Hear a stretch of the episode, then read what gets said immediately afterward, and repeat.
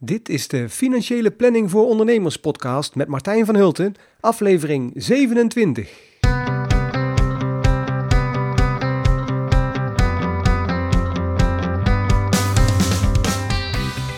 Ben je al jarenlang ondernemer?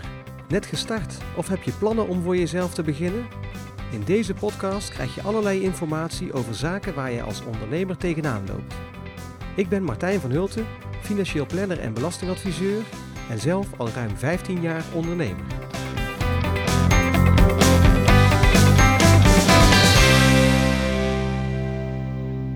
Hallo en welkom bij weer een nieuwe aflevering van de podcast. Vandaag ga ik het hebben over beleggen. Want toevallig is vandaag door de ECB, het is nu 8 maart 2018, eh, en uh, toevallig is vanmiddag door de ECB besloten om het rentetarief wat al heel erg laag is, nog uh, gelijk te houden, dus niet te gaan verhogen. En uh, dat leidde tot, uh, meteen tot reacties op de beurzen. De beurzen gingen omhoog, want een lage rente is natuurlijk goed nieuws voor ondernemers, omdat je dan goedkoop kunt lenen. Maar van de andere kant heeft het ook wel weer zo'n nadelen, want door die enorm lage rente, die nu al, al heel lang zo laag is, krijg je ook eigenlijk bijna geen rente op je spaargeld. In mijn advisering naar cliënten ben ik altijd al uh, erg voorzichtig geweest in, uh, in mijn adviezen. En ik adviseer altijd om liever te gaan sparen dan, dan te beleggen als, dat, als het niet echt nodig is om je doelen te bereiken. En daar sta ik eigenlijk ook nog wel steeds achter, maar ik begin toch ook wel steeds meer te zien, uh, de, de voordelen te zien van, van beleggen. En ehm, en met name het feit dat je eigenlijk een dief van je eigen portemonnee bent als je uh, uh, gaat sparen. Want op dit moment kun je, als je een beetje gaat zoeken, kan je misschien een spaarrente krijgen van uh, 0,3% of zo. En ja, misschien als je een, een, deposito neemt en je zet het voor een aantal jaren vast, dan kun je nog wat meer doen. En, en dat, dat, dat kan heel goed zijn. Hè? Je kunt heel prima kun je met deposito's bijvoorbeeld een, eh, een, een product creëren waarbij je zonder risico te lopen toch een, uh, een wat hoger rendement krijgt dan die uh, eh, 0,3% die je nou op je gewone spaarrekening kunt krijgen. Maar ja, de verwachte inflatie voor 2018 is 1,3%. En in, ja, in Europa wordt gestreefd, door de ECB wordt gestreefd naar een uh, inflatie van uh, rond de 2%.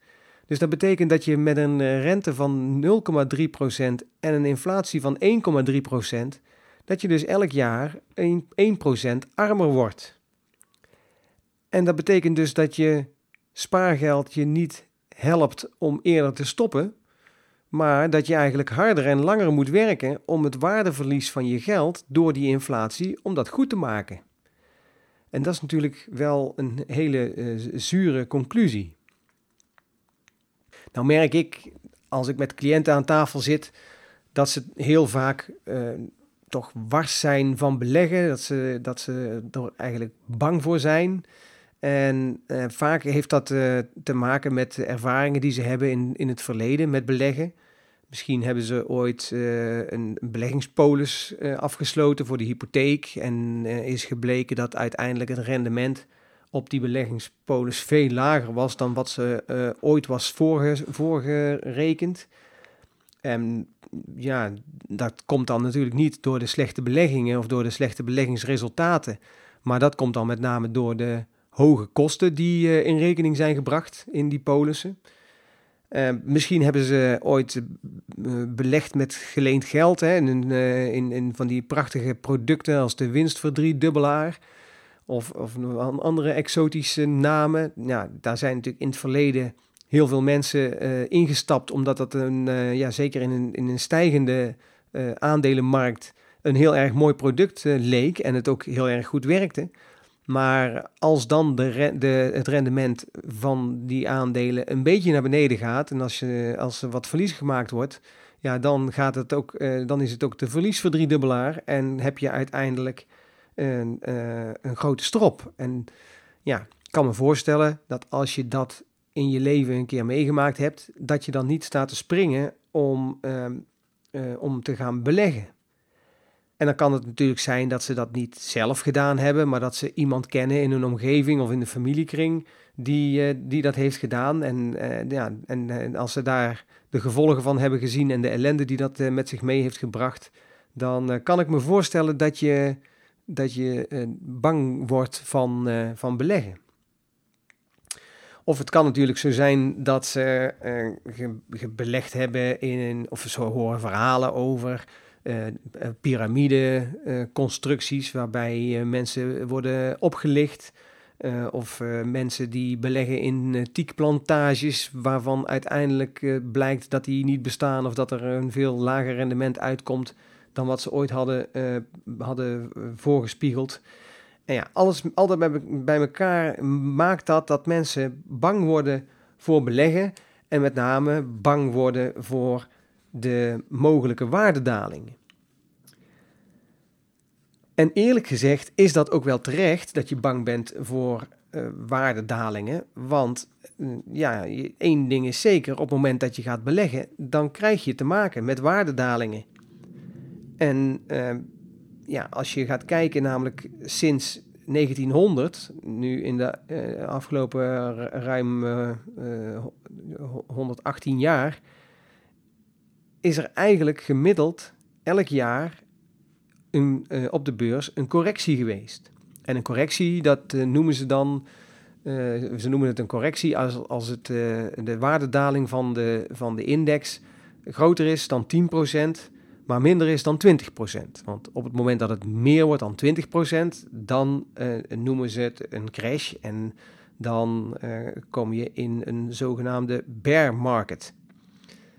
Nou, we hebben pas zo'n correctie gehad. Nou ja, misschien nog net niet, want uh, op 23 januari stond de AEX op 570 en toen is hij gaan dalen en op 9 februari die, bereikte die het dieptepunt op 518. Nou, dat is dus een daling van uh, eh, 52 punten. Uh, dus dat is nog net geen 10%. Dus je zou dat dan misschien formeel nog niet eens echt een correctie kunnen noemen. Maar je ziet toch wel dat daar mensen daar onmiddellijk op gaan reageren als, als de beurs op die manier gaat dalen. Nou, elk jaar dus een correctie. Dat betekent dus dat er elk jaar een moment komt dat de aandelen even wat goedkoper zijn en dat daarna dat ook weer behoorlijk kan aantrekken. Ook hebben ze uitgerekend dat je elke vijf jaar gemiddeld in de afgelopen uh, ruim 100 jaar, uh, gemiddeld elke vijf jaar met een correctie van meer dan 20% te maken krijgt. En uh, zo'n bear market dat duurt dan gemiddeld een jaar en de gemiddelde waardedaling van de, van de aandelen is dan 33% geweest. En als je gaat kijken naar de bear markets die hebben plaatsgevonden in de afgelopen 20 jaar, dan is elke bear market is meteen gevolgd door wat ze dan noemen een bull market. Dus een, dat is een, een periode van, uh, van uh, waardestijgingen van aandelen. En nou ja, de, de, de meest uh, recente bear market die we hebben meegemaakt was natuurlijk rond 2008. Dat was een hele forse, hè, want op 30 oktober 2007 stond de AEX op 550. Nou, vandaag stond die op, is hij geëindigd rond 535. Hè, dus we zitten weer, nu weer bijna op dat niveau. dus op 30 oktober 2007. Daarna is die in een vrije val geraakt. En die daling die heeft het hele jaar 2008 geduurd.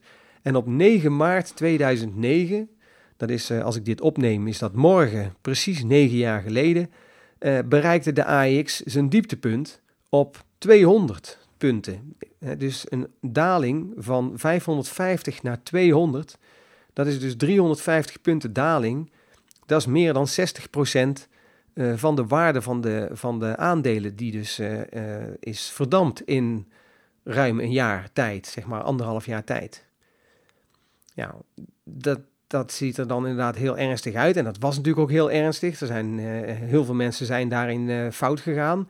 Hè, eh, dus ja, eigenlijk zou je het liefste zou je eh, op 30 oktober 2007 uitgestapt zijn uit die markt en zou je op 9 maart 2009 weer zijn ingestapt. Dan had je mooi die hele daling gemist en dan had je weer kunnen profiteren van de stijging die daarna plaatsvond. Want dat is dan wel opvallend als je gaat kijken naar de meeste uh, bear markets, zie je een, uh, een sterke correctie en een sterke opleving weer van de beurs. En dat gebeurde dus tussen 9 maart 2009 en het einde van het jaar 2009 op 31 december. toen stond de AX alweer op 336 punten. Dus die was toen gestegen van 200 naar 336 punten. Dat is een stijging van 68% Dus ja, als je inderdaad op uh, uh, 9 maart 2009 op het laagste punt was ingestapt en, uh, je, was, en je was lekker blijven zitten, dan had je 68% waardestijging van je aandelen gehad in 9 maanden tijd. Of 10 maanden bijna. Dus dat is echt een, een, een waanzinnig uh, rendement wat je had kunnen halen. Maar ja, het probleem is, je weet het gewoon niet. Hè? Dus je, je zit, als je in die markt zit, dan uh, weet je weet niet als hij begint te dalen of dat een daling is die weer uh, stopt en dat daarna weer een correctie naar boven komt of dat die door blijft gaan. Dus dat maakte natuurlijk dat, dat um, beleggen voor sommige mensen toch een, een, een angstige bezigheid is. Maar goed, als je dus gaat kijken hoe dat dan zit met die waardedalingen en waardestijgingen. En, nou ja, en, je, en je concludeert dat het eigenlijk niet mogelijk is om te timen. Dus hè, je, je, je zou het liefst op het hoogtepunt uitstappen en op het laagste punt weer instappen. Maar je, je weet dat niet. Dus het timen van de markt. Er zijn mensen die beweren dat ze kunnen voorspellen wanneer dat er uh, uh, dalingen gaan plaatsvinden of stijgingen gaan plaatsvinden. Maar uh, ja, niemand, uh, niemand kan dat echt gewoon, of maar heel weinig mensen kunnen dat echt gewoon structureel iedere keer goed uh, voorspellen. Hè, mensen die waarschuwen voor een, voor een waardedaling. Ja, als je, als je elke week waarschuwt voor een waardedaling, dan krijg je ongetwijfeld een keer gelijk, want hij zal wel een keer gaan dalen. Maar dat wil dus niet zeggen dat je daarmee je de markt ook op een goede manier kunt timen.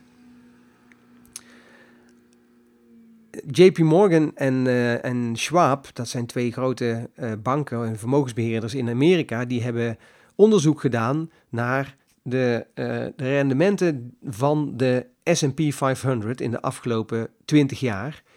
En die hebben berekend dat, het, dat in, de, in de afgelopen 20 jaar dat die, die index gemiddeld 8,2% per jaar is gestegen. Nou, dat klinkt heel, heel mooi, hè? maar goed, dat zijn natuurlijk uh, periodes geweest dat het uh, veel meer rendement is geweest dan 8,2%. En er zijn natuurlijk ook periodes geweest dat je minder dan uh, eh, 8,2% rendement hebt gehad. En nou ja, dan kan ik me voorstellen dat je zegt van ja, als je je geld belegd hebt en je ziet dat die markt aan het dalen is, dat je dan uh, je daar ongemakkelijk uh, onder voelt en dat je dat niet prettig vindt. Uh, nou, als je dan tijdelijk zou uitstappen en pas weer instappen als de markt weer aan het stijgen is, hè, dat zou dan een, een mogelijke optie kunnen zijn natuurlijk, om daarvoor te kiezen. Het probleem is natuurlijk dat je nooit weet of hij nog verder gaat dalen of niet. Hè? Dus je, je gaat altijd te laat uitstappen en je gaat altijd ook weer te laat instappen, waardoor je dus waarschijnlijk toch meer van het verlies neemt dan je zou willen en minder uh, profijt hebt van de, uh, van de waardestijging daarna. Want die waardestijging is um, heel vaak komt de, de, komen de beste handelsdagen heel kort na de slechtste handelsdagen. Dus na de dagen met het meeste verlies, vaak is het heel kort daarna dat er juist weer een enorme opleving plaatsvindt. En in dat onderzoek van JP Morgan en Schwab, daar hebben ze um, uitgevonden dat het dus gemiddeld 8,2% rendement is. Uh, maar als je nou de 10 beste handelsdagen in die 20 jaar, als je dan er niet in zat, niet in de markt zat, dan uh, is je gemiddelde rendement geen 8,2%, maar 4,5%. En als je de beste 20 handelsdagen had gemist, dat is dus gemiddeld één dag per jaar, hè, dat je dan niet in, die, uh, niet in, in beleggingen zit. Als je, als je er 20 hebt gemist, dan zakt je rendement naar 2%. En als je de beste 30 dagen hebt gemist, dan zit je in een verliessituatie. Dus ja, de conclusie moet eigenlijk zijn: aan de ene kant, je kunt de markt niet timen. Dus um, uh, ja, uh, je, probeer niet om uh, op het hoogtepunt uit te stappen en op het laagste punt weer in te stappen. Want ja, je, de kans bestaat dat je ofwel een groter stuk van de opgaande markt gaat missen omdat je te vroeg uitgestapt bent. En, um, en de, het risico bestaat ook dat je een groot deel van de waardestijging aan de onderkant gaat missen op het moment dat je weer te laat instapt na zo'n uh, na zo'n crash. Dus ja, eigenlijk moet het advies zijn: zorg dat je gewoon in die markt zit en dat je erbij blijft. Want als je dus gewoon 20 jaar lang in die SP 500 had gezeten en je had geaccepteerd dat die waarde was gedaald en ook weer was gestegen, dan had je gemiddeld 8,2% rendement gemaakt.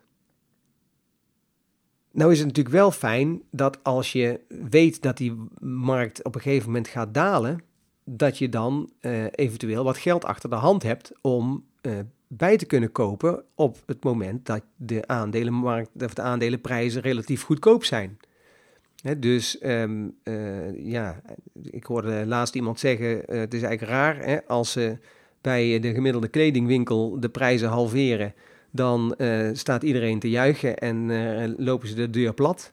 En als op de aandelenmarkt de, de prijzen worden gehalveerd, dan ligt iedereen in een crisissituatie en, en doen ze helemaal niks meer. Dus dat is een beetje een rare, uh, misschien een rare vergelijking. maar ja, het komt er eigenlijk wel op neer. Dus op het moment dat er, de, dat er een correctie plaatsvindt op de aandelenmarkt, ja, dan is dat eigenlijk een moment dat je niet moet, moet wegwezen, maar dat je juist moet kopen want dan zijn de aandelen goedkoop. Nou, het beste om te voorkomen dat je nou steeds op de verkeerde momenten in en uitstapt, uh, is eigenlijk uh, gebleken uit onderzoek dat het het beste werkt als je consequent gewoon blijft instappen, blijft toevoegen aan je effectenportefeuille of aan je beleggingsportefeuille. dus dat betekent dat je bijvoorbeeld een vast bedrag per maand of een vast bedrag per kwartaal neemt en zorgt dat je dat belegt, dan zijn er wel eens uh, momenten dat je eigenlijk te hoog instapt. Hè, dus dat, je eigenlijk, dat, dat de aandelen relatief duur zijn. Hè, dat die misschien zelfs wel daarna, vlak daarna naar beneden gaat. Maar er komt ook een moment dat je weer instapt. op het moment dat er juist net voor een waardestijging van de beurs, dat je net voor een waardestijging van de beurs zit. Dus um, juist het, het, het periodiek instappen en zorgen dat je elke maand of elk kwartaal of elk half jaar um, uh, wat uh, geld daarbij stort, dat maakt dat je optimaal gebruik maakt van de beweging van de markt. Dus mijn advies zou ook zijn, als je wil gaan beleggen, om dan een, een vast percentage van je inkomen te pakken en dat elke maand gewoon automatisch over te laten schrijven naar een beleggingsrekening. En dan te zorgen dat je één keer in de zoveel tijd uh, weer nieuwe aandelen aankoopt. Of nieuwe fondsen aankoopt. En of dat dan aandelen moeten zijn of obligaties of, uh, of nog andere soorten beleggingen. Daar wil ik het graag in een, in een latere aflevering van deze podcast wel eens over hebben. Maar als je dat doet en je zorgt dat je gewoon elke maand een vast bedrag overmaakt, dan zul je zien dat dat bedrag enorm snel kan oplopen. En een, eh, een mooi voorbeeld vind ik eh, dan altijd uh, dat mijn, mijn eigen dochter. Die heb ik, ik denk nu inmiddels, die is nu 18. Ik denk dat ik een jaar of acht geleden uh, tegen haar gezegd heb van als je nou elk jaar, of elke keer als je geld krijgt of geld verdient ergens, 10% daarvan apart zet, dan zul je nooit financiële problemen hebben. Want aan de ene kant bouw je daarmee een spaarpotje op, wat je kan uh, redden als je echt een keer in de problemen komt. En aan de andere kant wen je aan het leven van 90% van je inkomen. dus ook op het moment dat je inkomen eens een keer tegenzit of een keer daalt, dan heb je niet meteen een groot probleem, omdat je toch al gewend bent om van minder rond te komen dan wat je eigenlijk krijgt. Nou, dat loopt dus enorm op, want zij is, uh, denk, denk een jaar of acht geleden daarmee begonnen. Dat was in het begin, was het dan, ja, dan ging ze oppassen en dan kreeg ze 15 euro. En van die 15 euro ging dan 1,50 euro naar de spaarrekening. En later kreeg ze een krantenwijk en dan werden de bedragen wat hoger. En het werken bij Albert Heijn en dan werden de bedragen ook weer wat hoger. En uiteindelijk heeft ze nu, na, na acht jaar, heeft ze 1000 euro ruim op die spaarrekening staan.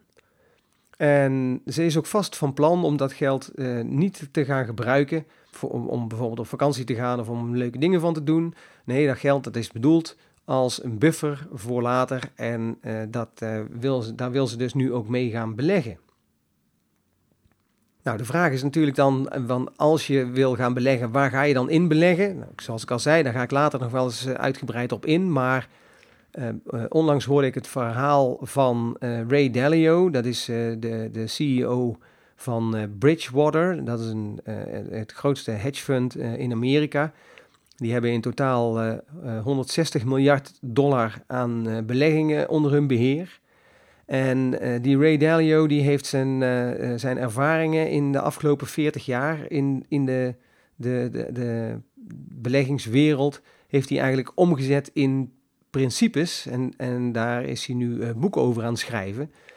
En hij zegt eigenlijk dat als je tussen de 15 en de 20 beleggingen hebt die niet met elkaar gecorreleerd zijn, dus dat betekent dat, uh, dat ze uh, niet allemaal altijd dezelfde richting in bewegen. dus bijvoorbeeld, nou, wat vaak wordt ge gezegd van aandelen en obligaties bijvoorbeeld, die zijn niet gecorreleerd. als aandelen in waarde stijgen, dan uh, zul, je, uh, zien, zul je vaak zien dat obligaties in die periode juist in waarde dalen. En, uh, en andersom. Nou is dat niet altijd zo. Op dit moment loopt dat weer net iets anders. Maar hè, over het algemeen zijn, kun je zo verschillende soorten beleggingen aanwijzen die niet gecorreleerd zijn, dus niet met elkaar in verband staan. En als je dat doet en je zorgt dat je tussen de 15 en de 20 van dat soort verschillende beleggingen hebt, die niet met elkaar in verband staan, dan verlaag je daarmee het risico op waardedalingen. Want als de ene belegging toevallig een keer wat minder doet, dan is er altijd weer, weer een andere belegging die het dan toevallig weer wat beter doet. En dan kun je nog wel gemiddeld genomen in een, uh, tot, of een wat een lager rendement krijgen. Maar dan daarmee uh, zorg je wel dat de echte grote pieken naar beneden, maar ook naar boven, dat die worden afgezwakt. En dat je een wat meer gelijkmatig uh, uh, en toch goed rendement krijgt met een relatief laag risico. En zo heeft uh, die Ray Dalio heeft een, een portefeuille ontwikkeld, wat hij de all-weather portfolio noemt. Dat is dus een, een, portfolio die bij alle weersomstandigheden goed zou moeten doen. Dus het maakt niet uit of het heel slecht ga gaat op de, op de aandelenmarkt of juist heel goed. Uh, nou, hij heeft die portefeuille hebben ze doorgerekend wat dat zou hebben gedaan als je die de afgelopen 30 jaar uh, had gehad. En uh, of 30 jaar hebben ze uh, dat doorgerekend tussen 1984 en 2013. En daaruit blijkt dat die portefeuille in 85% van die jaren een positief rendement had gegeven. Dus je had 85% van de tijd had je uh, geld verdiend in, in die 30 jaar uh, die ze hebben doorgerekend. Dat betekent dus dat, al, dat er 15% van de tijd uh, dat, dat het niet, niet positief was. Nou, dat, dat zijn dan zeg maar ongeveer 4 jaar van de 30. En het maximale verlies wat ze in die vier jaar hebben gehaald was in 2008. Dat is dat hele slechte jaar geweest van, van die laatste beurskracht natuurlijk. En uh, in dat jaar hadden ze dan een verlies van 3,93% En het gemiddelde verlies over de vier jaar waarin verlies geleden is, was 1,9% Nou ja, dat is op zich valt dat nog reuze mee. En zeker als je die 3,93% uh, verlies in 2008 vergelijkt met de, het verlies van in, wat in de markt uh, plaatsvond van ja, zeg maar uh, tussen de 50 en de 60 procent. En dat zijn natuurlijk wel enorme verschillen. En het gemiddelde rendement wat hij dus heeft gehaald met die all-weather portfolio in, in, de, in de 30 jaar tussen 1984 en 2013 is na kosten nog net geen 10%. Dus ja, dat is toch een, uh, een behoorlijk fors rendement waar, waar veel beleggers zeer tevreden mee zouden zijn, denk ik zo. Nou, de vraag is nu natuurlijk, van wat gaat Janneke nou doen met haar 1000 euro? En wat heeft dat dan uiteindelijk, wat kan dat voor effect hebben als ze, dat, als ze daarmee gaat beleggen? Stel dat ze dan hierna niks meer erbij gaat sparen, wat niet haar plan is, maar stel dat ze die 1000 euro, dat het daarbij blijft. En ze zou nu van haar 18e tot uh, haar 68ste, dat is... Uh, eh, ja, dat zou nu uh, ongeveer de pensioendatum zijn. Nou, misschien dat dat nog wel wat zal opschuiven, denk ik, uh, voor haar. Maar dat, dat, moeten we zien. Maar dus tussen 18 en 68 zou ze 50 jaar de tijd hebben om met die 1000 euro te gaan beleggen. En um, als ze, stel dat ze met dat geld in die 50 jaar een rendement gaat halen van 6 procent en dat uh, inflatie in die tijd 2% is, dus dan haalt ze dus uh, gemiddeld zeg maar uh, eh, 4% rendement per saldo. Dan groeit die 1000 euro in 50 jaar aan naar 6000 euro ruim. Dus dat betekent dus dat, ze, ja, dat dat bedrag ongeveer zes keer over de kop gaat. Maar dat is dus bij een rendement van 4%. Haalt ze een rendement van 6% na kosten, dan zou je dus op een, dan zou je opkomen op een waarde van ruim 17.000 euro. Dus dat is bijna drie keer zoveel. Wat je dus hebt met 2% meer rendement. En ja, die 6% dat is dan nog redelijk uh, conservatief als je uh, kijkt naar die 10% die die portefeuille van Ray Dalio heeft, uh, heeft gemaakt.